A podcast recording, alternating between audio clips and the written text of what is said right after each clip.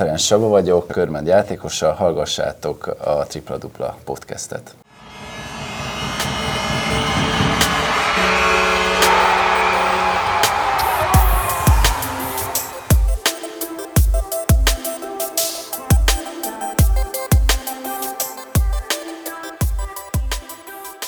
Sziasztok, köszöntök mindenkit, én Magyar Dávid vagyok, ez pedig a Tripla Dupla Podcast 22. epizódja, méghozzá egy hallgatói kérdez felelek. A ti kérdéseitekre a Körmend ikonikus játékosa Ferenc Csaba fog válaszolni az elkövetkező 20 percben. Nagyon sok jó kérdést kaptam ezúton is, köszönöm szépen mindenkinek, és azt is köszönöm, hogyha lájkoljátok a Facebook oldalt, követtek Instagramon, illetve akármelyik applikációban is hallgatjátok a podcastet, ott feliratkoztok, sőt, ha esetleg belefér az időtökbe, akkor értékeljétek is akár az applikációban, akár a Facebookon, jól esik mindenféle visszajelzés, akár pozitív, akár negatív, tehát nyugodtan, hogyha van valami ötletetek, akkor ne tartsátok magatokban, hogyha valamivel szerintetek még jobbá lehet tenni ezt a podcastet, akkor azt nagyon szívesen elolvasom, vagy nagyon szívesen meghallgatom. Legyen elég ennyi a szolgálati közleményekből, essünk is neki, Csaba volt olyan kedves, és a tegnapi olaj elleni bajnoki mérkőzés előtt válaszolt azokra a kérdésekre, amelyeket e-mailben, Instagramon, illetve üzenetben küldtetek, úgyhogy következő 20 percben hallgassátok Ferenc Csabát.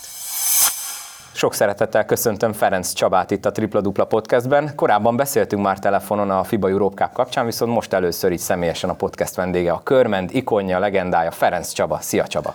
Igen, köszöntök mindenkit, szia!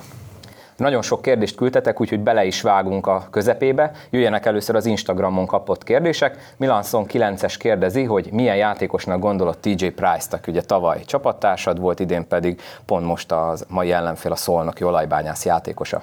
Így van, TJ nagyon jó játékos, atletikus, jól dob, és ismeri a kosárlabdának minden csinyát, binyát. Úgy érzem, hogy a Szolnok egy nagyon jó játékosra tett szert még egyszer azt tudom mondani, hogy remek játékos. Milos Magyar kérdezi, hány csapat próbált leigazolni a pályafutásod során? Gondolom itt arra gondol, hogy úgy összesen, bár szerintem ezt lehet, hogy összeszámolni is nehéz lenne. A másik kérdése pedig, hogy külföldi ajánlat volt-e, és ha igen, akkor melyik csapattól vagy melyik csapatoktól?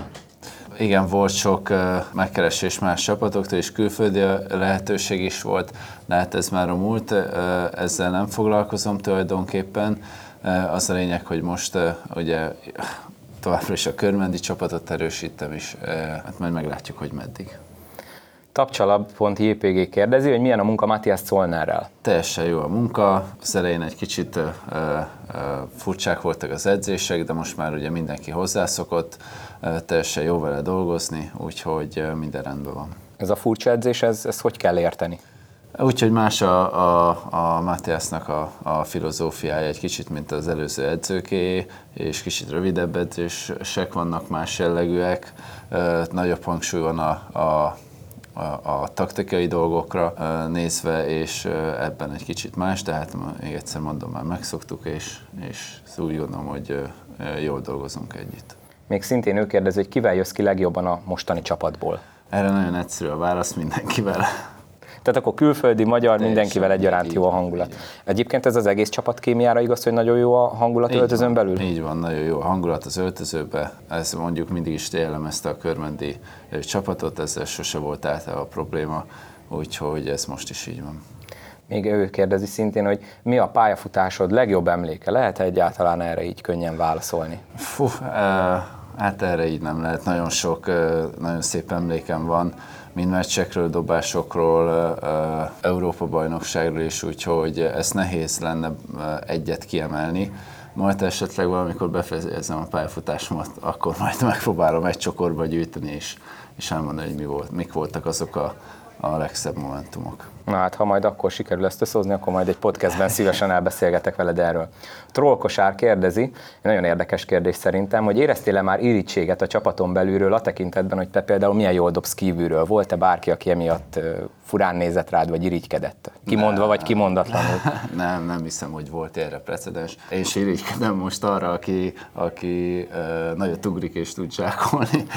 Tehát nem, szerintem ilyen, ilyen, ilyen sosem, sosem volt.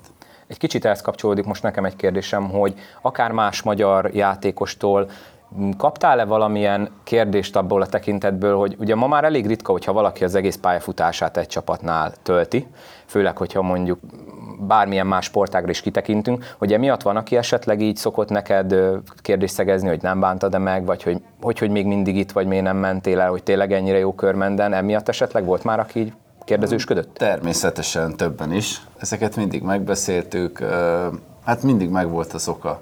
Erre azt tudom mondani, hogy, hogy maradtam. Hát meglátjuk, hogy a jövőben is ez így marad-e. Jani Tamás a következő kérdező. Mit érzel a hazai meccsek előtt, amikor belépsz a szentébe?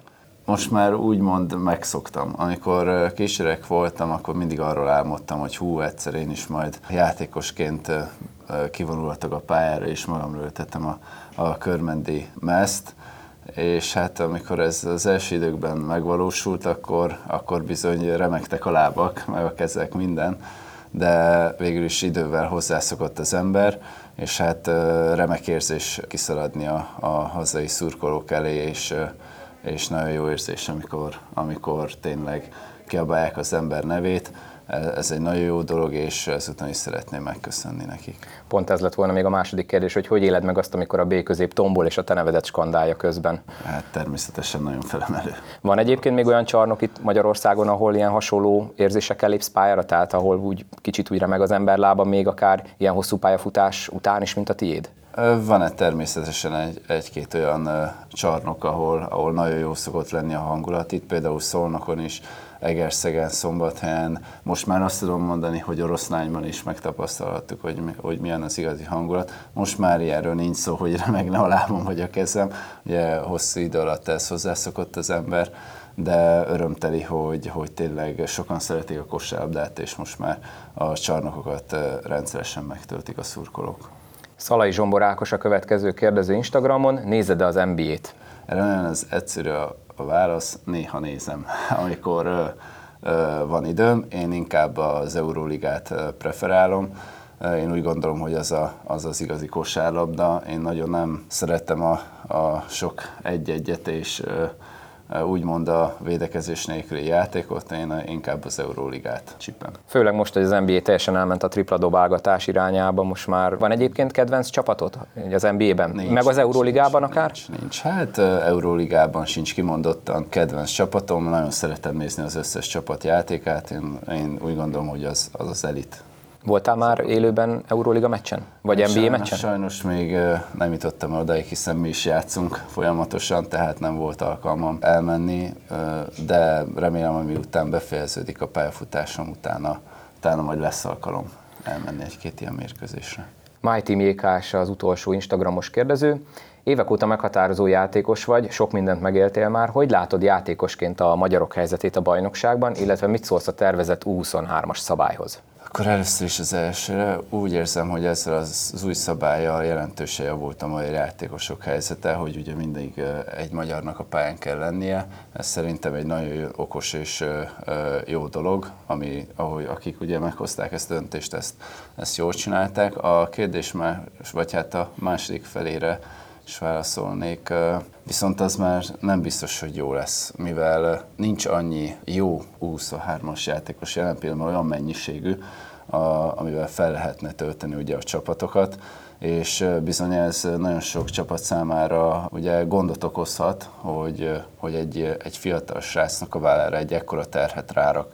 Ez most úgy gondolom, hogy ezt még azért párszor megvitatják az illetékesek, és átgondolják, hogy ez jó lesz-e így. Én úgy érzem, hogy ez még korai, hogy egy ilyen 23-as szabályt hozzanak, aztán majd idővel meglátjuk, hogy később lehetne ilyenről szó. Jelen pillanatban én úgy gondolom, hogy ez, ez nem lenne túl jó a, a kosárlabda, hogy mondjam, így a színvonal Így szempontjából? A színvonal szempontjából ez nem lenne. Déri Csaba is ugyanezt mondta egyébként az egyik korábbi podcast epizódban, Pedig hogy... nem beszéltünk össze.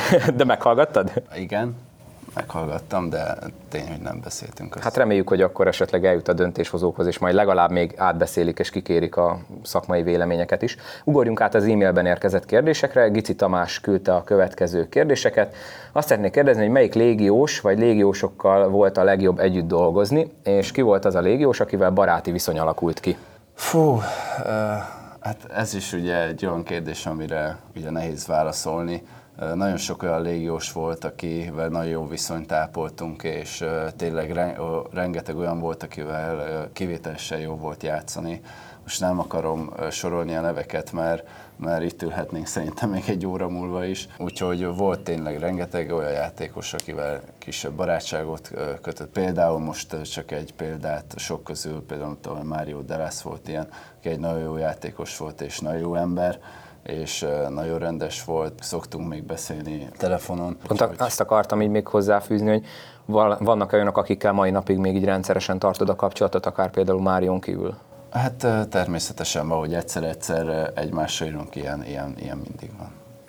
Még szintén Tamás kérdezi, hogy melyik légiósnak tetszett a legjobban a fantasztikus szurkolás? Hát Volt-e, aki esetleg emiatt így teljesen kikerekedett szemekkel első meccse után ott így nézett, hogy úristen, ez milyen? Természetesen volt olyan, aki, aki mit tudom én, egy falkózete meccs után, mármint úgy, hogy a Falkóval játszottunk, vagy az etével játszottunk, úgy értem. Hát nézett egy nagyot, hogy úristen, mi volt itt. Volt ilyen, mindenki, eddig minden egyes légós elégedett volt szerintem a körmendi szurkolókkal, azzal az atmoszférával, ami, ami mi a csapatot körülveszi. Szóval az összesnek úgy gondolom, hogy tetszett. Szabó István elég sok kérdést küldött, az övéi következnek. A klasszikus shooterek pályafutása általában eléggé hosszúra kinyúlik, és ő szerint a te játékod is bőven alkalmas arra, hogy akár 37-38 éves korodig magas szinten játsz. Te mit gondolsz, hány szezon van még benned? Hát erre mindig azt szoktam mondani, amennyit az egészségem enged. De jelen pillanatban le is kopogom, egy, kettő, három, semmi problémám nincsen, úgyhogy jelen pillanatban enged, és még szeretnék minimum egy három évig kosárlabdázni remélem, hogy ez, ez sikerül is. De egyébként ezzel te is egyetértesz, hogy a, a te játékstílusod, ami ugye a kinti dobásokra épül főleg, az tényleg egy kicsit tovább tud maradni az élvonalbeli szinten, mint aki mondjuk tényleg sokat ugrabugrál, ott azért szükség van a tip-top fizikai állapotra, nem mint hogyha neked nem lenne Igen. olyan a fizikai állapotod? Hát minden posztnak megvan a maga, úgy mondjam, pozitív oldala és negatív oldala.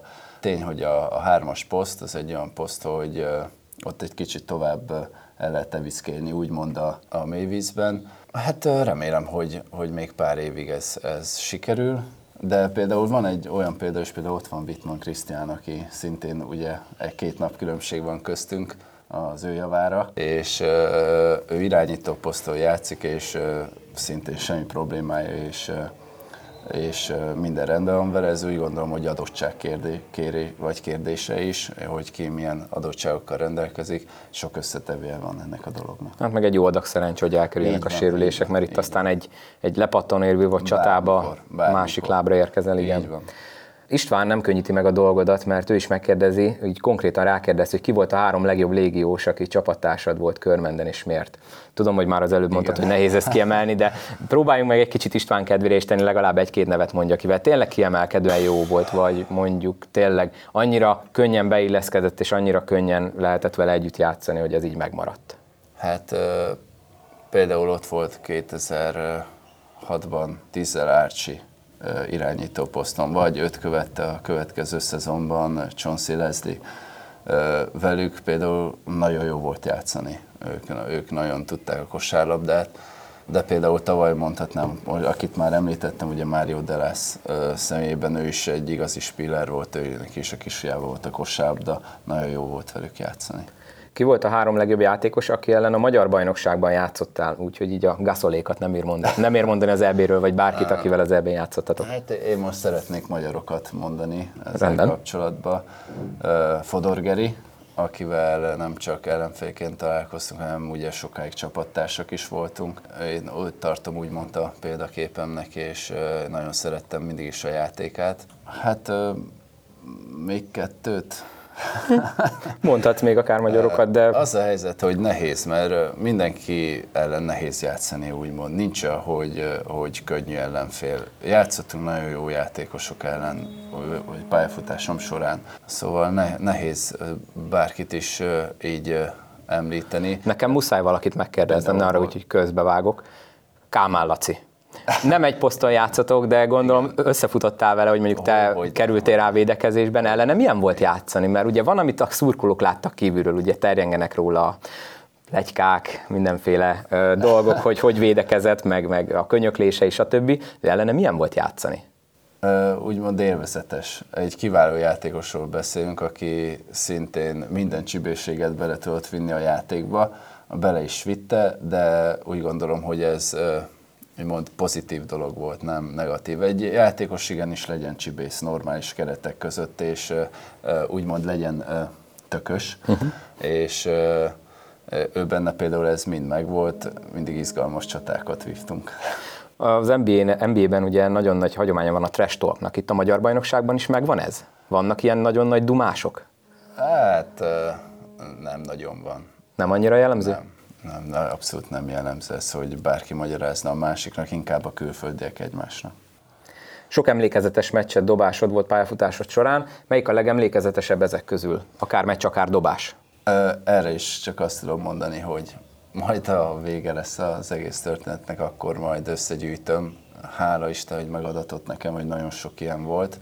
Sokszor volt az, hogy egy utolsó másodperces triplával nyertük meg a meccset, vagy esetleg azzal lett hosszabbítás, és utána nyertünk. Viszont egy, egy mérkőzés talán ki tudok emelni, ami, ami nagyon közel áll a szívemhez. 2007 hetet írtunk, tudni kellett, hogy a rájátszásba és a rájátszás előtt nagyon sokan megsérültek a csapatból. Gyakorlatilag a, a kezdőtösünk kiesett, és hát nem fűztek túl sok reményt ahhoz, hogy mi ugye tovább tudunk menni, esetleg az első négybe. Abban a rájátszásban sikerült menetelnünk a, a döntőig, ahol ugye a szolnokkal kerültünk össze.